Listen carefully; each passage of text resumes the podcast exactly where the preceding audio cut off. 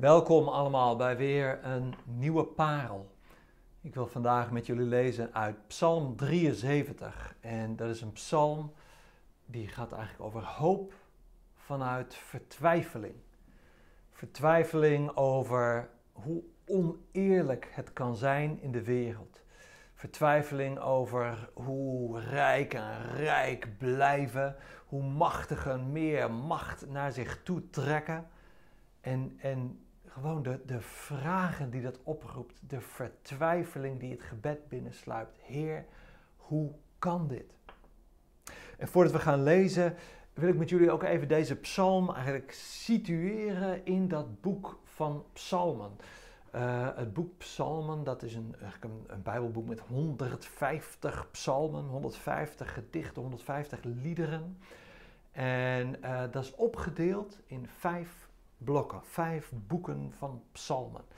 En de eerste twee boeken psalmen, dat noemen we eigenlijk de psalmen van David. Niet allemaal één voor één, stuk voor stuk van David, maar um, bijvoorbeeld aan het eind van psalm 72, hier staat hier eindigen de gebeden van David, de zoon van Isaïe. Zo sluit dat gedeelte af. Want deze psalmen die handelen over de tijd eigenlijk dat David in het koningshuis van David later, dat die regeerden over Israël. En dat dat in zekere zin goed was. Maar we weten wat er gebeurde natuurlijk op een gegeven moment. Ballingschap, eigenlijk oorlog, vernietiging. En, en, en een volk wat als vluchtelingen gedwongen wordt weg te trekken naar een ander land. Vertwijfeling. En in het derde boek Psalmen, Psalm 73 tot 89, speelt die vertwijfeling eigenlijk de hoofdrol. Heer, hoe, hoe kan dit? U had een koning op de troon van David beloofd voor eeuwig. Waar blijft hij? Hoe zit dit? Hoe kunnen we u nog loven als Jeruzalem zo ver is en de tempel is verwoest? En dan vanaf Psalm 90 tot Psalm 150 krijgen we eigenlijk het, de opbouw van Israël en, en, en het uitzien en het verwachten eigenlijk van een ander soort koning op de troon. En het eindigt met lofliederen, halleluja-psalmen. En psalm 150 is de krachtigste halleluja-psalm van allemaal. En daarmee heeft dat hele boek psalmen eigenlijk een beetje ook die beweging hè, van, van het vragen en het zoeken en het bidden, maar het altijd eindigen in een loflied. Dat, dat zit eigenlijk ook vaak in individuele psalmen en zo ook in psalm 73. Dus die eerste psalm eigenlijk in deze periode van vertwijfeling. Heer, hoe zit het? En Psalm 73, die duikt daarin in die vraag. Het onrecht, het onrecht. Hoe zit dat nou? Heer, ik snap het niet. Psalm 73, een psalm van Asaf. Ja, God is goed voor Israël. Voor wie zuiver zijn van hart. Toch had ik bijna een misstap begaan. Bijna waren mijn voeten uitgegleden. Want ik keek met afgunst naar de dwazen, benijden het geluk van wie kwaad doen. Nou, waarom zou je daar dan jaloers op zijn? Nou, tot hun dood blijven zij voor ziekte gespaard. Hun buik is goed gevuld. Aardse kwellingen kennen ze niet. Het lijden van anderen gaat aan hen voorbij. En daarom is hoogmoed hun halssieraad en bedekt geweld hen als een mantel. Hun ogen puilen uit het vet van eigen waan, zwelt hun hart. En ze spotten ze spreken kwaad en dreigen vanaf hun hoge zetels. Ze zetten een mond op tot aan de hemel en hun tong roert zich overal op aarde. En daarom lopen de mensen achter hen aan, drinken hun woorden in als water en zeggen: Hoe zou God iets weten? Heeft de Allerhoogste een antwoord? Zo zijn de goddelozen ten voeten uit.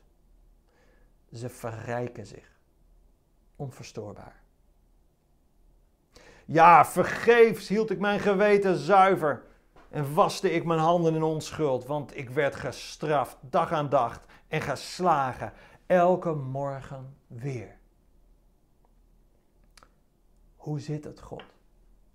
Hoe zit het? Slechtheid is een soort magneet voor voorspoed, lijkt het wel. Kiezen voor jezelf. Kiezen voor jezelf op de borst kloppen, voor rijkdom, voor kijk hoe goed ik ben, is een magneet voor meer daarvan, meer macht, meer voorspoed. Zo gaat het telkens weer. Hoe zit het, God? En hoe zit dat nou? Hadden we niet geleerd in de, in, de, in de Bijbel? Heb ik niet geleerd van mijn ouders? Als je goed doet, dan wordt dat gezegend. Staat dat niet in Psalm 1? He, welzalig de man die niet wandelt en vervloekt de man die, die, die, die wel de verkeerde kant op gaat. Wordt het niet gezegend als je God volgt? Wordt het niet, weet je wel, wordt het niet bestraft als je verkeerde keuzes maakt? Hoe zit dat God? En dat doet me denken aan het gesprek tussen Job en zijn vrienden. Job, die helemaal niet door eigen schuld, zo weten wij als we goed het boek lezen, Job die alles kwijtraakt.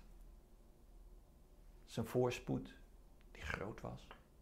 Zijn kinderen, eigenlijk zijn vrouw, zijn gezondheid. En zijn vrienden komen bij hem om met hem te rouwen. Maar dan doen die vrienden hun mond open en dan gaat het van kwaad tot erger. Want ze zeggen, ja Job, uh, alles goed en wel. Maar kennelijk heb jij in het verborgene gezondigd. Beleid het nou maar gewoon. En wellicht zal God je vergeven. Want straf volgt niet op goedheid, Job. Straf volgt op zonde. En Job verdedigt zich daartegen en zegt: Zo zit het niet. Ik begrijp niet hoe het zit. Blijkbaar kan er zomaar van alles gebeuren.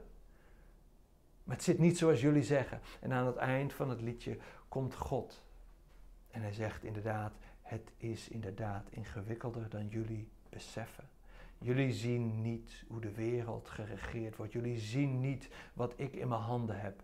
En hij zegt tegen de vrienden van Job: Ik ben woedend op jullie. Hoe jullie over mij gesproken hebben. Jullie hebben mij niet recht gedaan.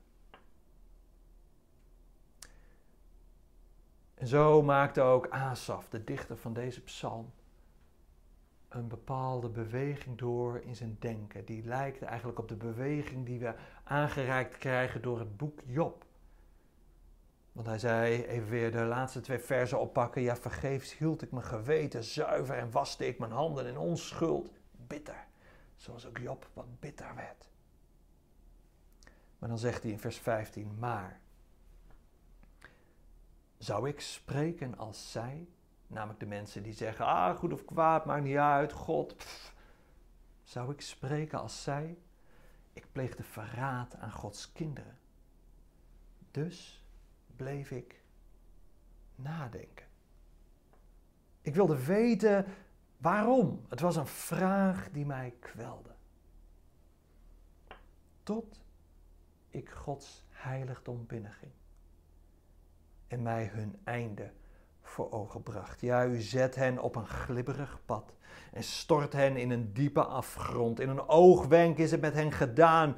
Hun ondergang, hun einde is een verschrikking. Ze zijn als een nachtmerrie na het ontwaken, Heer. Bij het opstaan verjaagt u ze als beelden uit een droom. Ga nog even verder, maar dit is eigenlijk de beweging die ik met jullie vast wil pakken. De man beseft wat Jezus ook aan ons leert. Ja, die hoog zitten, die zullen, de hoogmoedigen, die zullen vernederd worden. En de nederigen zullen verhoogd worden. Het koninkrijk van God is de omgekeerde wereld. Zo beseft Asaf. En hoe komt hij eigenlijk tot dit besef? Hoe komt hij bij vrede in zijn denken? Tot ik Gods heiligdom binnenging. Asaf zet zijn voeten op de grond. Hij brengt zijn ziel tot rust. En hij gaat bidden. Heer, hoe zit het? Verander mijn denken, verander mijn hart. Wat is mijn plaats tegenover u? Wat is mijn plaats tegenover deze mensen? Ik ben niet geroepen om hen te oordelen. Ik laat het oordeel bij God. En ik beleid, God is rechtvaardig. God zal recht doen, ook als ik het nu nog niet zie. En daar zit hoop in een wereld die vol onrecht en vol onderdrukking is. En ik bid dat we dit inzicht kunnen delen met Asaf en dat we met hem mee kunnen bidden. Niet voor de vernietiging van vijanden of iets dergelijks. Nee, dat we kunnen blijven bidden. Heer, ik zie het niet altijd. Ik zie het niet altijd zuiver, maar ik weet dit. God doet recht.